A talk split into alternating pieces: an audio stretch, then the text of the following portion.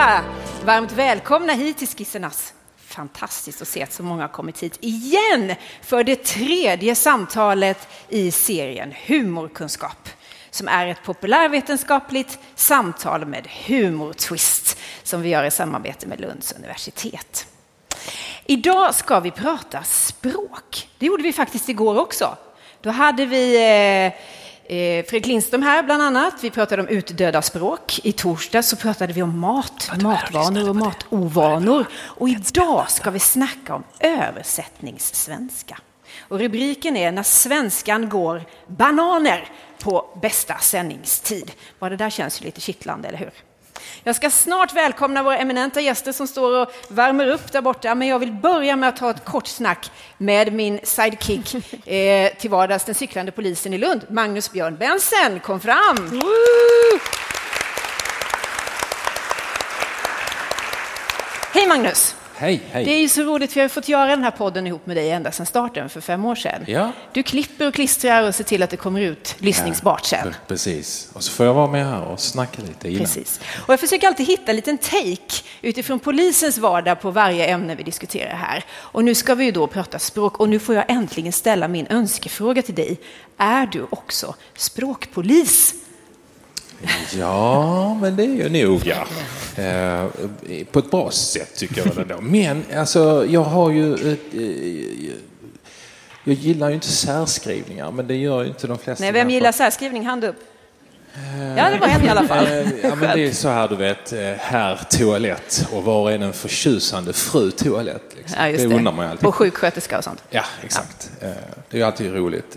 Så den brukar jag fota av och skicka vidare. Så, ja, men det är, väl, det är väl mer ett intresse kanske. Ett särintresse, ja just det. Men du, det här med, med polissvenska är ju liksom nästan ett lite eget språk och jag då som har bakgrund som nyhetsjournalist, ibland är det lite svårt att förstå vad ni faktiskt menar. Ja, kan ja, du dra det, något exempel? Ja, men eh, man har ju hört på radion så det går ut ärende så säger man eh, liggande elva vid målsnöret. Va? Fattar man ju inte. Undrar, vad kan detta vara? Är det någon som har en kvalificerad gissning? Liggande elva vid Liggande målsnöret. Okej, okay, då är det ju så att då är det ju eh, någon som har varit så full att de inte har kommit in. Är det elvan på, då? Ja, det är elvan. Mm. Och som ligger ner och så har man ju precis... Och Nära hemmet? Och så, nej, det är entrén på Systembolaget. Jaha. ja. Okej. Okay. Ja. ja, men den är ju bra. Har du något mer sådär kryptiskt? Nej, men det är, ju, det är ju de här, vi håller på med mycket siffror, 11, 12 och så vidare. Och, ja, det är väl mest det. En 12, vad är det då? Om 11 nu är en... Ja, 12, då är det ju eh, då är det snäppet värre, då är det en rattfylla. Okej. Okay. Ja, så det, man hade det förr när man hade analogt radiosystem så hade man ju då de här eh, siffrorna 11, 12 och så för att folk skulle inte förstå vad det var. Men det kom, det kom ju ut sådana här papper med, med, alla koder så, så man bara kunde sitta hemma. Mm. Studera in 12, ja, och tolka. Ja, folk är nyfikna. De ja, vill såklart. veta vad vi gör ju. Ja. Du, dagens gäster då, vad är du nyfiken på att få veta mer om? Eh, ja, men alltså eh, det är ju det här, jag brukar ju rätta eh, massa, eh, mina ungdomar ute på stan så när de säger eh, Para, Gus, Aina och så, så brukar jag alltid försöka rätta dem då. Liksom. Gör du? Dina klienter alltså? Ja, eller de som jag har med att göra. Alltså. Och så säger jag liksom, ja men kom igen nu, ska du på anställningsintervju, du kan inte säga de orden, du får ju balansera det lite så. Och så då undrar jag varför. Men så tänker jag, gör jag mig en otjänst liksom, och inte låter språket få vara? Alltså, Just det, få leva och utvecklas Precis. vidare. Att den här ja. engelskan kanske, vi bara ska omfamna det här. Ja, exakt. Nya begrepp och så. Ja. Mm. Så det kanske man kan... Men den tar vi med oss tycker jag. Ja. Tack så mycket så länge oh. Magnus. Nu kör vi igång.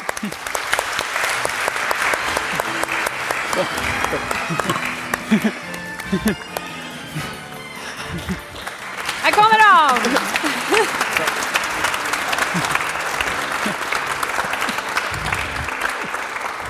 Välkomna kära gäster. Det svåraste i det här samtalet är faktiskt att tajma jingeln.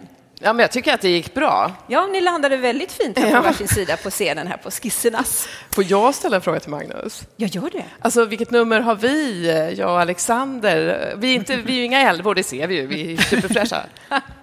Trea? Jo, du får säga högt. Jag skulle säga att de är ettor båda två naturligtvis. Ja, ja. Stabila ser de ut båda två. Jag ska presentera er, varmt välkomna, Alexander Katurgi. Du är doktorand i nordiska språk och du jobbar med att översätta och språkgranska bland annat tv-spel vet jag, från engelska till svenska. Och du skriver språkkrönikor i olika tidningar och du har ett Twitterkonto där du har samlat massor med exempel på knasig översättningssvenska. Och det där det blev så uppmärksammat eh, och gillat så att du bestämde dig för att skriva en bok som du har med dig här. Och det är också rubriken för vårt samtal här, Svenskan går bananer. Ja. Välkommen hit. Tack du ska snart få berätta mer om den. Och här bredvid mig har jag Annika Lantz som är jätteglad att du är med i vårt samtal. Vi har försökt få med dig länge. Mm, tack. Underbart. Eh, du är radiopratare, komiker, tv-programledare och författare. Och du har gjort en massa saker, bland annat ditt eget lands i P3, P4 och P1 och såklart landskampen. Just som du var och som, tittade på Jag igår. var ju där. Ni ja. spelade in igår ja. på Lund kommun. Det var underbart. Var det någon mer där? Oj, oj, oj, det är dina underbart, fans som är underbart. Vad fint. Jag blir blyg. Mm. Men det gick ju ganska bra tyckte jag. Det, jag tyckte att det gick ganska bra också. Ja, det gjorde det. Några vann, några förlorade. Som det ska vara i frågesport. Det är väl lite så det brukar landa. Ja. ja. Mm, Vad säger du Lunda-publiken då? Den är, under, den är underbar. Ni är underbara. Ja, en applåd! ja, Underbara! För er. Nej, men det är verkligen roligt. Man kan också dra språkskämt, alla skrattar. Ja, just det, precis. Vi fick ju också veta lite spännande fakta om Lund. Tycker ni inte det, ni som var där? Vi kanske kan bjuda de andra i publiken här på något, någon glimt. Ja, alltså, eh, jag, jag eh, drog ju det här att vi har en beskyddare av eh, humorn som ju är omskriven i Lunds domkyrka, Laurentius, som lär ha blivit då beskyddare av humorn för att han skojade med sina bödlar. Det är en ganska tuff väg för att bli ja. erkänd som komiker. Det behövs inte så Men, mycket. Nej, det beror på hur man ser det. Just det. Men det, det, det kan man gå och titta på i Lunds domkyrka. En fruktansvärd fläsk, men rolig historia. Ja. Det visste jag faktiskt inte. Nej, för att alla går inte runt hela kyrkan. Nej, vi nej. bara... Nej, just det, precis. Oj, avslöjad. Ja, Eh, en lycklig omständighet är ju också att domaren i landskampen, Sara Lövestam, ja. din eviga sidekick, ja. där, har skrivit förordet till din bok. Som en dröm. Så det här är liksom minsta gemensamma nämnare? Ja. ja. Hur kom det sig? Eh, nej, men Sara är väl en, är lite av en idol, eh, mm. så att säga. Sen hon gav ut sin första språkbok eh, i Ansland. Så nu när jag gav ut min första så kändes det väl roligt att bara fråga, skulle du vilja skriva ett förord? Och det ville hon och eh, jag är mycket tacksam för det. Hon beskrivs ju som en grammatiknörd med osviklig känsla för rätt och fel. Stämmer det där? Det stämmer absolut, med osviklig känsla för humor, vilket är en väldigt bra sak att kombinera det med, för annars kan det bli lite tungt för oss som inte alltid hänger med på eh, konjunktiven. Ja, men verkligen. Mm. Du, hur viktig är språkfrågan i landskampen? Alltså jag tror att den är, den är viktig, för, eller jag upplever att när jag inte orkar med verkligheten och samtiden, det finns ju perioder som är värre än andra. så, typ, nu. typ nu. Då, då, är det ofta så att jag hemfaller åt att skoja med språket. Kanske mer än, av, men, än betydelsen av språket. För att eh, det, det, är en trygg hamn att alltid komma tillbaka till. Mm. Så att jag tror att den är viktigare. Det var roligt när du, vi förpratade lite, så jag funderat lite på den frågan. Men, men jag, oerhört mycket kanske till och med, att språket betyder för landskampen. Eller för allt det jag gör, trots ja. att jag inte alls är duktig mer än att prata många ord på kort tid. Ja, men, så, medan, men då har jag ju Sara. Jag kan svänga mig med grammatiska termer och så låter det som jag vet vad jag pratar om, men då kommer Sara och vet vad du och förstärker. Precis, ja, så, så låter det som att vi båda är skitbra på det här. Men jag tänker Annika, ni, ni använder ju ofta av liksom politiker som uttalar sig mm -hmm. på lite märkliga sätt och, och där. Eh, hur bra eller dåliga är politikerna skulle du säga? Det är tråkigt att behöva säga det, men jag tycker att de är förvånansvärt dåliga med tanke på att de jobbar i kommunikationsbranschen. Mm. Att de ofta faller i varandras retoriska gropar. De, faller ofta, de, de, följer ofta i varandras retoriska hjulspår istället för att ta sig ur och, och komma med en helt egen retorisk figur eller en egen, eh, en, ja, men ett eget samtalsspår. Alltså det är väldigt konstigt att de luras in i det här hela tiden istället för att bara bryta sig ut. Ja. Det, gör, det är de ju ganska duktiga att göra när, när, journalister ställer frågor, att svara på något helt annat. Men, men när de liksom, det är liksom- medietränandet. Ja, men precis. Och, eh, eller otränade, beroende på hur man ser det. Som journalist kan man känna eh, lite frustrerat. Men, men, när, de, när de pratar med varandra så är det ofta att de bara clashar in i varandra oavbrutet. Otroligt irriterande, särskilt nu när de är överallt och man bara hör samma sak hela tiden. Ja, man kan nästan inte skilja dem åt. Nej, hur är det, det är så konstigt att de inte tar möjligheten. De är ju utbildade, många av dem. Kanske de hade behövt färga sitt språk lite grann på olika sätt. Och det är det vi ska prata om här nu, om just översättningssvenska. Nu är vi ju ett eh, populärvetenskapligt samtal här, så vi måste börja med att reda ut. Ja. Vad är det? Vad är översättningssvenska? Översättningssvenska är väl helt enkelt svenska som är översatt och som låter översatt, för det finns kvar spår av eh, originalspråket. Eh, och det är förmodligen, eh, eller i många fall, inte riktigt det man skulle säga om man hade sagt det på svenska från början. Även om det kanske är grammatiskt helt korrekt så kanske det någonting som gör att det inte riktigt passar i just det här sammanhanget på samma sätt som det hade passat i eh, originalspråket. Men du har ju massor av exempel i din bok på detta. Till exempel så här. Vilken underbar dag för att simma istället för vilket badväder. Mm. Det är inte fel, men det är inte heller rätt. Nej. Eller?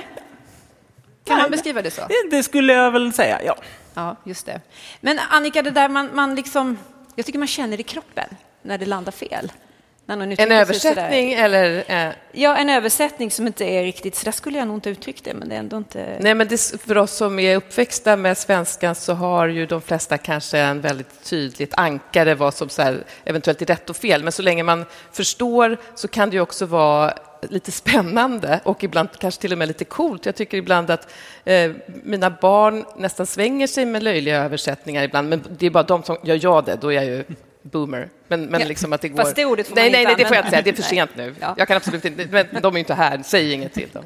Men, men förstår du vad jag menar? Att det, det finns ju också något roligt i att svenskan har så många ord att vi kan säga de här två sakerna, men man förstår exakt vad, vad som menas. Mm. Ja, men verkligen. Det är skoj. Det är faktiskt roligt. Men det är klart att det kanske kan ju hända någonting i en som ryggar tillbaka innan man tänker så här knasigt, ganska kul. Kanske det politikerna skulle ta efter för att sticka ut lite, lite grann. Men du, hur, hur influerade är svenskan av engelskan, skulle du säga? Alltså, det är klart att vi får in väldigt mycket lånord nu för tiden eh, från engelskan. Men om, jämfört med influenserna från franskan och från tyskan eh, för några hundra år sedan så är ju engelskan inte alls i närheten, än i alla fall, av att ha den enorma påverkan på både ordförråd och grammatik. Mm -hmm. Så det var mer med franskan och tyskan? Ja, absolut. Eh, och lågtyskan, eh, om man ska skilja på dem. Det tycker jag man ska. Ja. Eh, men, eh, men det är klart att fortsätter det så kanske man kan tänka sig att engelskan börjar påverka lite mer än vad den har gjort idag. Men vi är inte där än och jag tycker inte vi behöver vara rädda för det, för vi vill ju också ha engelskan. Det är därför vi lånar in eh, lite automatiskt, för att vi kanske vill vara lite mer globala av oss. Så det här med Magnus då som tillrättavisar sina klienter ute på stan och tycker att säg inte Gus, det låter illa. vad, vad säger ni? Ja, gör han så, rätt eller gör han fel? ute på stan så får man väl säga så. Eh, sen är det väl absolut så att i en anställningsintervju kanske det inte passar sig, men om man vet i, i vilka sammanhang man ska använda orden, vilket de allra flesta gör. Vi pratar inte likadant med en chef som med en partner, som med eh, morsan, som, med, eh, som när vi sitter på en scen och pratar om en bok. Just det. Mm. Så Magnus, polisen, han får skilja lite på sina olika sammanhang där? Jag fick en känsla av att han gjorde det. Men ja. bara en vag känsla, jag kanske bara ställer mig in. kanske, möjligen är det så. Um, jag tänker det finns ju massor med exempel då på hur det smyger sig in lite grann det här det engelskan i språket. Att man säger till exempel eh, det är min födelsedag istället för jag fyller år. Det är ganska subtilt. Ja, absolut. Och det är ju som sagt, det är inte fel och det är absolut korrekt att säga i vissa sammanhang. Eh, men i många fall så föredrar vi att säga jag fyller år idag. Eller hon fyller år idag. Hon fyllde år igår. Eh, Medan på engelska är det mycket, mycket vanligare att säga ah, it's my birthday. Mm, så det är en direkt översättning? Precis. Liksom. Så eh, alltså, även om själva uttrycket i sig kan vara korrekt och funka och även spontant uppkomma på svenska, mm. så tittar man på ett längre verk till exempel så kan det helt enkelt vara så att ordet födelsedag är mycket vanligare än ordet fyller bara för att man har direkt översatt lite för många gånger. Det kanske passade några av gångerna, men inte så många. Mm. Alltså det, där, det verkar så svårt att översätta det, tänker jag. Ja, men det tror jag. Jag, jag har faktiskt tagit med mig en fråga på ett papper. Ja. För, att, för att den har med det här att göra, för jag vet inte om det är engelskan som har lett till ett utbrett, mycket inom politiken, partikelverbsmissbruk. Mm -hmm. Eh, och jag har då tagit några exempel här. Morgan Johansson inte här och kan försvara sig. Skolan måste prioriteras upp. Nooshi Dadgostar, han vill privatisera ut hela vår svenska välfärd. Peter Hultqvist, det är det som gör att vi måste värdera in den delen där vi, där vi bedömer om vi klarar eh, av att eh, fortsätta alliansfrihet. Förlåt, gammal nyhet. Ebba B. Man har helt ignorerat ut uh, åkerinäringen och Hallengren. Man måste anställa upp personal. Det här är bara ut ett litet axplock. upp. Ja, men vad liksom, ja. Nej, men jag skulle ju inte säga att det här är översättningssvenska. Till att börja med så säger man ju inte så här på engelska heller. Man säger inte eh, ignore upp. out eller higher up. Alltså, de, de finns inte, så det är inte det som har hänt här. Det som hänt är ju någonting som är inom svenskan. Vi vet att ja, men ut eh, markerar en riktning utåt. Mm. Och vill vi förstärka något att ja, men, eh, vi inte bara blev ignorerade, vi blev ignorerade ut. Ja, okay. Så det är, det är snarare, starkare. Ja, så det är liksom. snarare en ja, lite språklig inhemsk kreativitet, skulle ja, jag kalla härligt. det. Och vad sen härligt. kan man ju tycka vad man vill om det, men det är väl roligt att eh, politikerna inte bara, som sagt, rullar i samma hjulspår. Titta hur jag sätter krokben för mig själv. Det var inte jag, det var mamma som skickade med mig lappen. Ja, just det. Ja, undrade det här. Jag tyckte det var skönt att vi fick reda ut det, för lite konstigt är det. Ja, men det var, skönt. det var faktiskt fint, för att det här har varit min lite... Jag, jag är inte sån, men ibland så blir man ändå irriterad. Och det här har varit en sån sak som jag retar mig lite på. Nu känns det ju underbart vad de målar med språket, våra politiker. Ja. Sen kan man ju naturligtvis tänka att om alla börjar göra samma sak med partikelverben hela tiden, då, hamnar, då blir ju det ett nytt hjulspår som alla rullar i. Men det kan fortfarande vara någonting som sprider sig till allmänspråket och blir vanligt och normalt. Och, mm. ja, och det är väl roligt att språket utveck kan få utvecklas på det sättet Det är roligt. Men då måste jag fråga så här, om vi nu får in en massa nya ord och en massa nya sätt att uttrycka oss och så, betyder det då att vi håller på att sudda ut våra egna ord och uttryck, tror ni? Nej. Nej, det är inte så. vi kan uttrycka saker på flera olika sätt. De gamla uttrycken försvinner inte bara för att vi lånar in nya eller skapar nya. Mm. Okay. Du nämner ett exempel i boken som är att vi ofta nu för tiden uttrycker oss med ordet definitivt. Mm -hmm. Vi säger definitivt om allt. Och det skulle då vara influerat från engelska? Ja, men absolut. Definitivt är ett engelskt, äh, definitivt är definitivt äh, ett engelskt lånord. Eller det är inte ett engelskt lånord från början, men det har blivit väldigt mycket vanligare sen vi faktiskt började konsumera engelska media i mycket högre utsträckning. Mm. Och att bara använda det på samma sätt som ja, väldigt eller absolut. Mm. Eh, och det är väl inget fel med att det har blivit vanligare, särskilt som det är ju inte ett lånord, det bara har fått en push eh, mm. för att använda ett helsvenskt uttryck. ja, precis, helt rätt. Men det ligger ju inte helt bra i munnen. Definitivt, det är svårt ja, Det är, lite, det är mycket kan... läpp och, och tunga. Ja. Förlåt, ja. ni förstår vad jag menar. Men du Annika, jag måste fråga dig då. Är du språkpolis eller Nej. hur tänker du? Det, var där, det där var bara en, nog ett olycksfall i arbetet. Nej, men jag försöker att inte vara... Jag är uppfödd med en språkpolis. Nej då. Ja, nej, men jag, jag, jag är ganska eller så här, jag har läst, när jag själv fick barn så läste jag så att man inte ska rätta barn för då kan det hämma deras språkutveckling och deras vilja att uttrycka sig.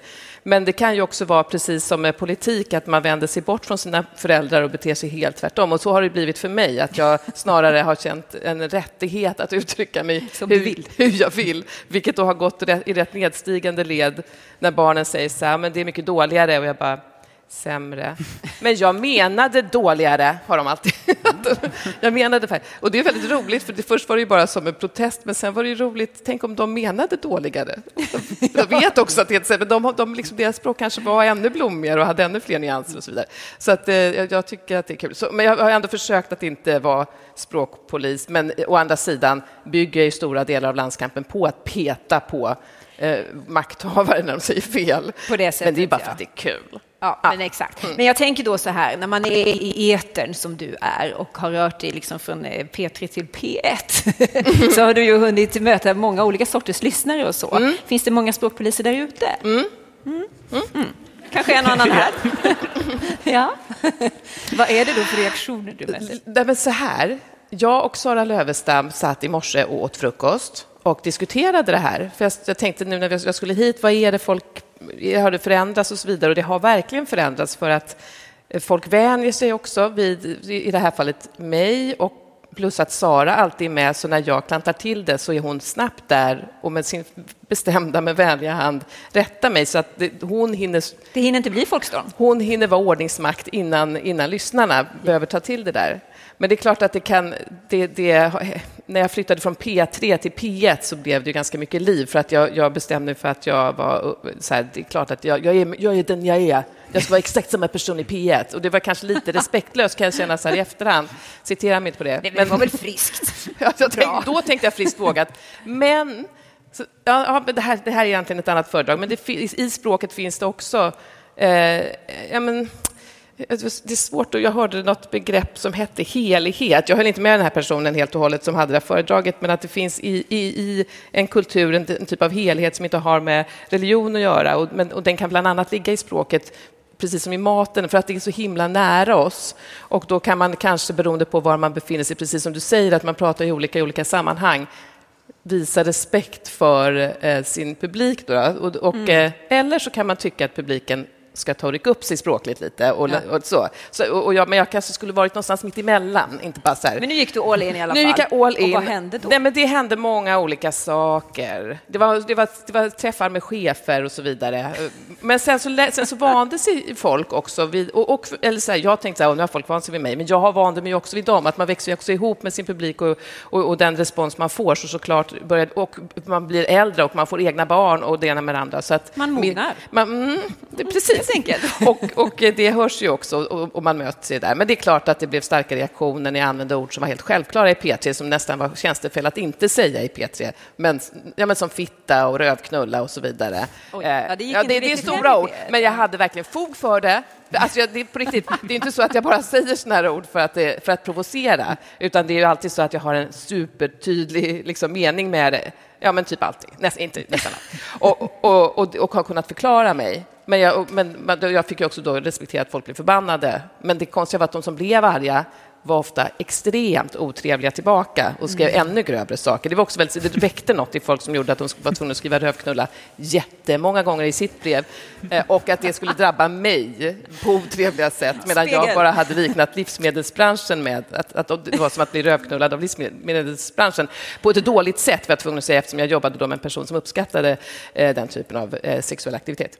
Det är svårt med språk. Ja, det är svårt. Ja, det är svårt. Men jag tänker ett ord som du fick väldigt mycket liksom, eh, påhopp kring det var det här med att säga att man kan vara litteraturpilsk. Ja, men det här var ju tidigt. Det här var ju när, precis i början av min karriär när jag började på Radio Stockholm. Det var 1993. Och så och, långt tillbaka? Ja, men precis. Det är ju väldigt långt tillbaka. Och, då var det, och det här har jag dragit många gånger, men när jag sa mens så blev jag inkallad till chefen och sa att det här är inte ett ord folk är intresserade av. Jag bara, jo, hälften av befolkningen är ganska, och kanske den andra hälften också. Och så diskuterade vi det, eh, men helst skulle jag inte göra det och sen gjorde jag det ändå, så vande sig folk. Men så, så, samma chef då när jag sa att, inför bokrean att jag kände mig så litteraturpilsk, ganska bra sagt ändå. Tycker ja, jag, det är träffsäkert. Då blev jag också inkallad och, och, och, fick reda på att så säger vi inte för, för eh, pilskhet och litteratur, erotik och litteratur hör inte ihop, vilket ändå, vilket ändå är starkt sagt. Det beror på vad man läser förstås. Men det, är ändå... får vi tänka att det var väldigt många år sedan. Det, det var väldigt många år sedan och jag har lärt mig saker och alla har lärt sig saker sedan dess. Men det här handlar ju väldigt mycket om kraftuttryck, eller hur? Som rövknulla till exempel. Ja. ja. Och då vill jag vända mig till dig, Alexander, för att ja. det här med att uttrycka, ja. ja. jag lägger ingen större mening i det. jag menar bara själva uttrycket.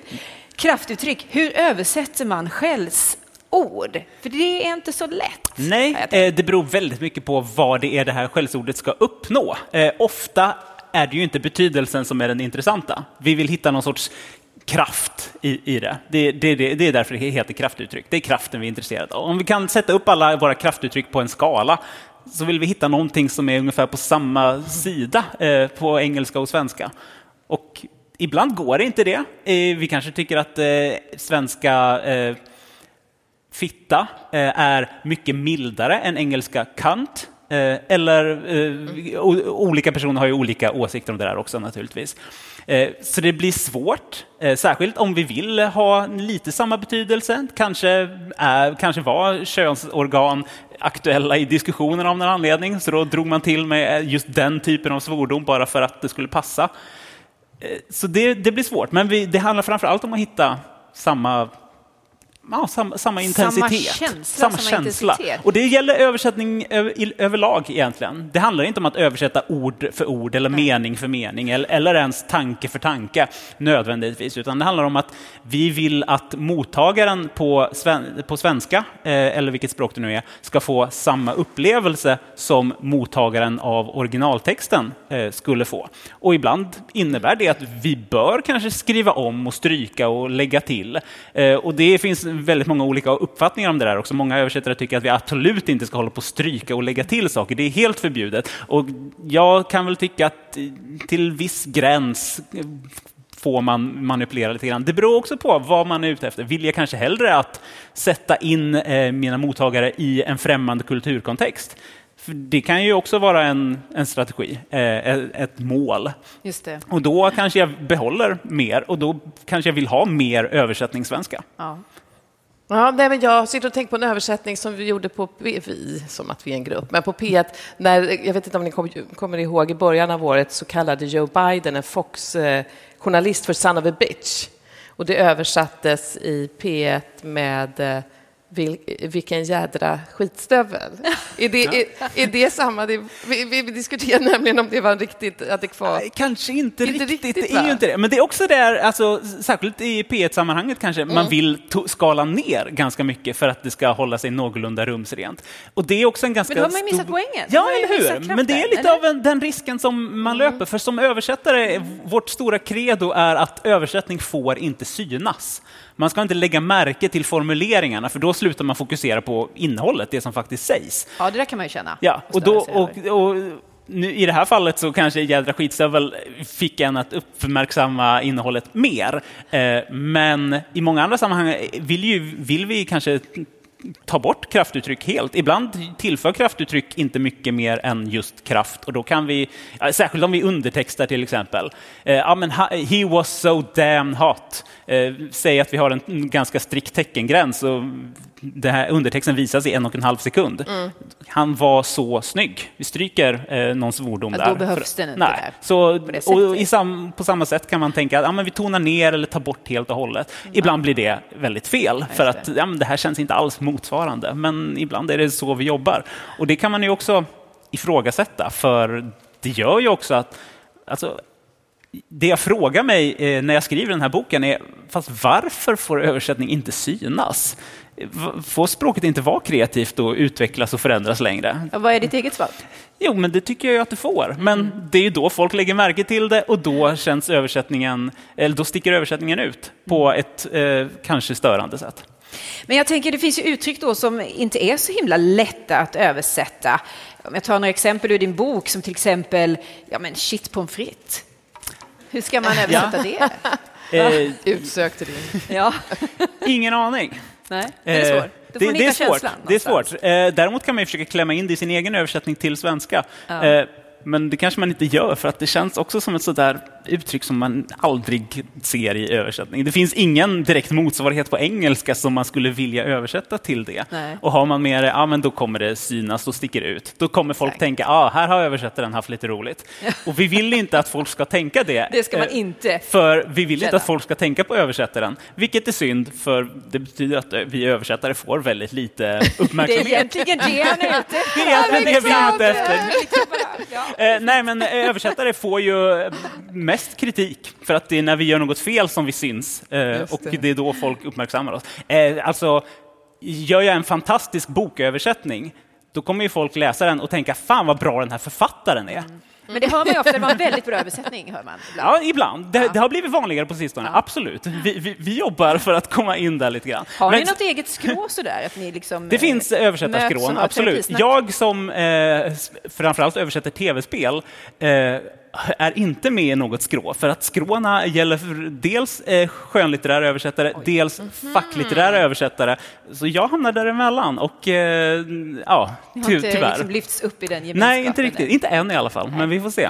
Men hur är det, förlåt, är det, förlåt, är det friare liksom, tv-spel? Det är inte, alltså kan du, känner du att du, din röst kan komma fram där mer än om du översätter andra? Nej, absolut Nej, inte. Tvärtom. det. Nej, okej. tvärtom. Det är Mhm. väldigt strikt. I, beroende på texttyp. Det finns ju många olika spel och många olika texter Men är det inte spel. mest powwow och sånt?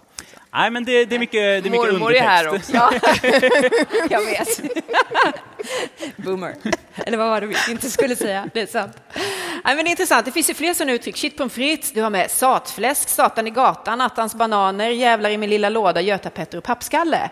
Ja. Det är inte så lätt. Det är inte lätt. Översätta. Nej. Och vi kan ju ta det ännu längre när det kommer till kulturella uttryck. Jag menar, hur översätter man till exempel Gnosjöandan? Åh.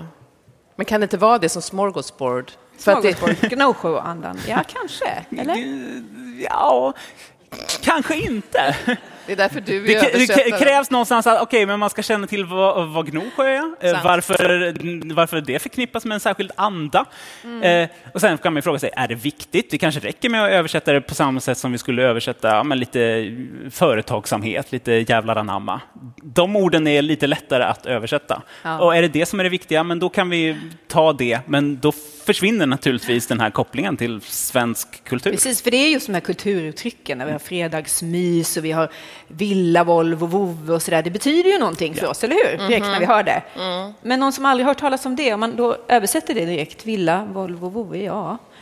Nej, man får ju vara en skicklig översättare. Då får man vara lite kreativ där. Hur skulle du lösa den? Alltså, förmodligen. Det beror ju naturligtvis på sammanhanget. Vad är det som de försöker säga? Kanske, kanske bara någonting i stil med I want to live a normal life. Att nu översätter jag ju till svenska och inte till engelska, så det här är Det är spekulation. där. Eh, men, men handlar det om att ha ett eh, vanligt eh, villaliv.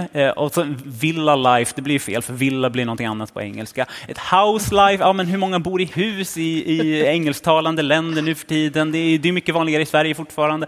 Eh, hela den eh, funderingen är, finns ju där. Man förstår att det tar tid. Ja, men jag känner att gud vad mycket ni måste sätta er in i. Alltså, framförallt då kanske från svenska till andra. Alltså, man måste ju verkligen känna den, det landets kultur. För att, för just för sådana här uttryck måste det vara nödvändigt. Ja, absolut. absolut. Och Det- hur, det- hur skulle du översätta revy till? Jag hade, jag hade en situation nämligen i- igår, jag skulle presentera Kalle Lind, ni vet Kalle Lind som ju föddes inte med segerhuvud utan med gubbkeps. Ja. Han, var, han, han var gammal redan när han föddes.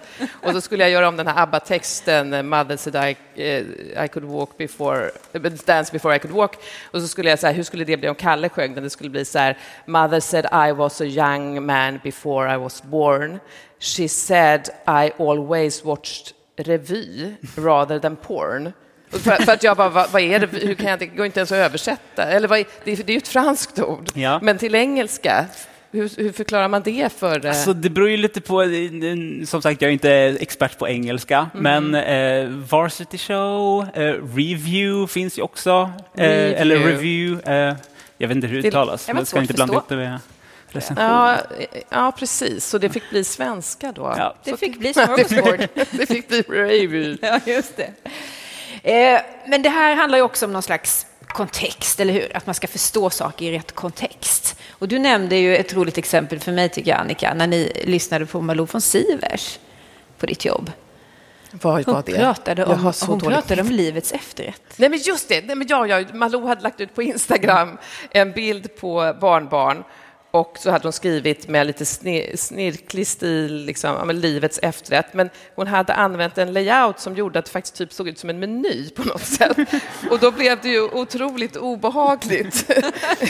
så att det, är liksom, det är ju verkligen en konst att förstå alla dessa medier nu som vi ska eh, hantera. Men det, ja, det, var, det var roligt på ett oväntat sätt. Ja. Kanske inte Malou själv hade tänkt. Men då, då handlar det inte bara om ordens betydelse utan också Nej, om hur bilden, man skriver precis. det visuella uttrycket. Och. Precis, och väldigt personligt kanske för mig att jag har varit på restaurang med där, det, det, det typsnittet och så vidare, även om många andra tyckte också att det var kul. Eller så var det Hela Sverige bakar eller något sånt där. Så kan det ha varit. Det kanske var det det, kanske var. Ja, det var en liten bakelse. Nej, men det här är intressant tycker jag. Klarspråk eller krångelspråk, vad vill vi ha egentligen? Eh, och vi kan ju gå till en annan bok som sätter ganska mycket standard och det är Bibeln som liksom är, är världens mest översatta verk. Och då undrar jag hur pass, pass idiomatisk får man vara här? Får man liksom skriva så som folk snackar? Eller hur vill vi ha det? Ja, egentligen skulle jag väl säga att eh, ja, vi vill ha klarspråk. Det, det är någon sorts ideal i den svenska offentligheten. Vi vill att myndigheter ska skriva på klarspråk och så vidare. Och Bibeln skrevs ursprungligen, när den skrevs på hebreiska och grekiska, ganska mycket på klarspråk. Men sen översattes den eh, till eh, latin, till tyska, till svenska. Eh, det kom med väldigt mycket översättningssvenska i den processen, eh, från fyra olika språk. För att man ville vara korrekt? För att man ville vara korrekt. Då hade man helt andra översättningsideal och eh, helt annan översättarutbildning än vad vi har idag. Ja. Eh, väldigt lite. Så översättningen blev med dagens mått mätt ganska kackig, men det var ju det mest inflytelserika verket i Sveriges historia. Eh, och Men- är än idag. Men sen kom det ju en ny översättning då år 2000, ni vet den nya bibelöversättningen. Men det känns som att den har vi inte riktigt tagit till oss, vi vill inte riktigt. Nej, just för att den följer de moderna svenska idealen. Den är klarspråklig, den är lite mer som folk talar. Men det känns inte rätt, för vi tycker att Bibeln den ska, vara lite, den ska ha lite umf, den ska ha lite auktoritet. Och vi tycker auktoritet, ja, men det är gammaldags språk, det är de här eh, metaforerna och bilderna som vi absolut inte spontant skulle använda oss av, som är, många av dem är så här vardagliga i hebreiskan, eller var det på den tiden. Mm.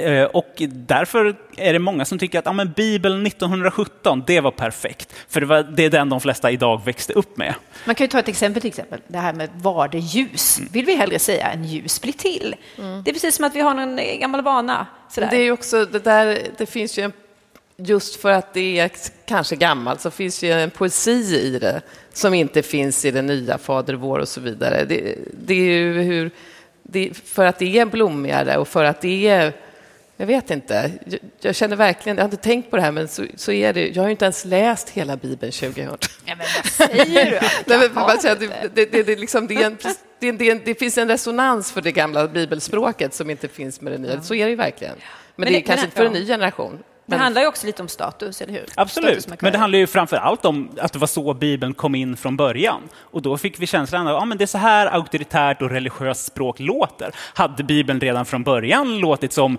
naturlig eh, klarspråklig svenska, då hade ju det blivit ett jätteupphöjt ideal idag. Eh, och eh, ja, vem vet hur myndighetskommunikationen hade sett ut de senaste hundra åren om Bibeln bara hade översatts lite friare eller bättre. vilken dröm. I och för sig kanske underbart. Annika, du är ju författare också.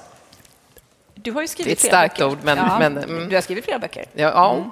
Jag tänker att om de skulle översättas till ett annat språk, vad skulle du önska då att översättaren... Fick den vara lite kreativ, sådär som Alexander Jag tänkte bara skrika franska, för jag trodde du skulle fråga vilket språk Ja, ja, skulle ja. ha dem ja. Nej, jag tänker själva liksom den här att hitta, hitta ditt språk. Hur viktigt skulle det vara att det är din Det är tonalitet? så svår fråga. Alltså det, ju, det måste ju vara... Alltså, det där är ju väldigt spännande då om, författ, eller om översättaren ska synas och så vidare. Hell, så här skulle jag kunna, kunna säga att hellre en författare som själv är någon typ av humorist och kanske syns lite, än någon som absolut läs, någon som läser allting bokstavligt och inte skulle förstå Så mellanrummen. viktigare liksom. än... eh, Ja, det skulle jag nog, ja, det skulle jag nog Ja. säga. Det var fruktansvärt att bli översatt av någon som, som läs, som inte Som inte ser... fattar poängen. Som inte fattar poängen, men som inte ser mellanrummen, Nej, så att säga. Ja. Men Alexander, kommer det sådana önskemål att man måste ha en viss liksom, förförståelse eller befinna sig i samma... Alltså, i, inte i värld. min bransch, eh, tyvärr kan man Inte väl i tycka. Nej, Nej. Eh, men absolut i böcker och litteratur och så händer det ju ibland att ja, men jag vill att, ha en översättare som anammar den här strategin, som kanske har den här bakgrunden så att hen kan förstå eh, innehållet. Det har blivit lite vanligare på sistone. Och det är ju egentligen inte konstigt, för vi har länge haft krav på att eh, översätter man juridiska dokument till exempel, då ska man inte vara vilken översättare som helst, då ska man faktiskt vara lite juridiskt kunnig. Det kanske är tur Kanske. att man har det kravet. Mm. Ja, ja, det, särskilt i sådana böcker, tror jag. Ja. Ja, precis. Det är svårt om man ska översätta det amerikanska eh, ja, rättssystemet Precis. till svenska, men man kan, har inte så bra koll på något deras om man bara direkt översätter och tänker ja men den här lagen gäller ju säkert här också. Man behöver ha lite Ja. större kunskap än så. Men hörni, framtiden då för översättare, finns den? Eller är det ett utdöende yrke? Jag tänker, vi har ju maskinöversättning nu för tiden. Ja, AI och sånt. Det har ju inte Eller? gått jätte, det, går, det går ju framåt, men det, är inte jätte, det blir ju inte jättebra. Det gör inte det? Nej, det är, det är inte jättebra. Men jag vet ju att nu när min dotter var ute och tågluffar så ibland så bara sätter de på och så låter de få värden till det här hostelet prata in och så blir det begripligt. Precis. Men hon menar liksom när man gör det med litterära texter blir det mycket sämre. Mm, men jag tänker att där, den utvecklingen går väl framåt jättesnabbt, så frågan är Alltså det finns två svar på den här frågan. Eh, det första svaret är nej, det är ganska lugnt. Eh, alltså, maskinöversättning kommer nog, eh, jag ska inte säga aldrig, men det kommer nog dröja väldigt länge innan eh, maskinerna kan liksom förstå alla nyanser i språket, de kulturella referenserna. Alltså bara det att få en maskin att ha samma referensramar som en människa. Har jag en hänvisning till någonting som hände i Sverige på 1800-talet, då kanske maskinen inte eh, förstår det. Eh, så jag tror ju att vi kommer ha maskinläkare innan vi har maskinöversättare eh, Oj, på den nivån. Okay. Det andra svaret på frågan däremot, det är ju att eh, väldigt många personer tror att maskinöversättningen är så pass bra att ja, men den går att använda, i alla fall som ett första steg. Så det är ganska många som maskinöversätter sina texter, skickar till översättare för korrektur och därmed bara betalar korrekturtaxa. Vilket är mycket, mycket mindre pengar för väldigt mycket mer arbete. För oftast är det lättare att bara radera allting och börja om ja. än att pilla där och pilla där och pilla där och pilla där. Det tar tid att pilla. Så, det här är så spännande. Ja, det är verkligen det. Och jag vet, vi journalister, vi, vi får också höra det där ibland att vi är ersättningsbara, att numera kan man skriva nyheter genom robotar och så vidare. Men jag hoppas att vi inte kommer dit. Nej, nej så hoppas man att en väldigt trevlig robot som också blir ens chef och ger en löneförhöjning. Ja, för att göra mycket mindre. Precis. Jaha, hur ska vi knyta ihop den här säcken nu då? Vi har eh, boken Svenskan går bananer. Vad är din slutsats här i boken? Alltså, det är väl det att översättning borde få synas eh, lite mer än vad det gör. Just för att om vi hela tiden är så rädda för att, eh, för att, ja, för att synas, eh, för att uttrycka oss på något sätt som sticker ut för mycket, då rullar ju spåret, eh, språket bara i samma gamla hjulspår. Och det händer inte så mycket. Och ju, det är klart att ju mer, vi, vi, ju mer kreativa vi blir, desto mer accepterat blir det och desto mindre kommer det synas. Men det ger också språket lite mer nyans. Och översättning blir lite roligare. Och vi kanske kan i större utsträckning prata om ah, vad duktig den här översättaren var också. ja, Inte bara författaren. Jag, jag tycker vi ger Alexander en varm applåd.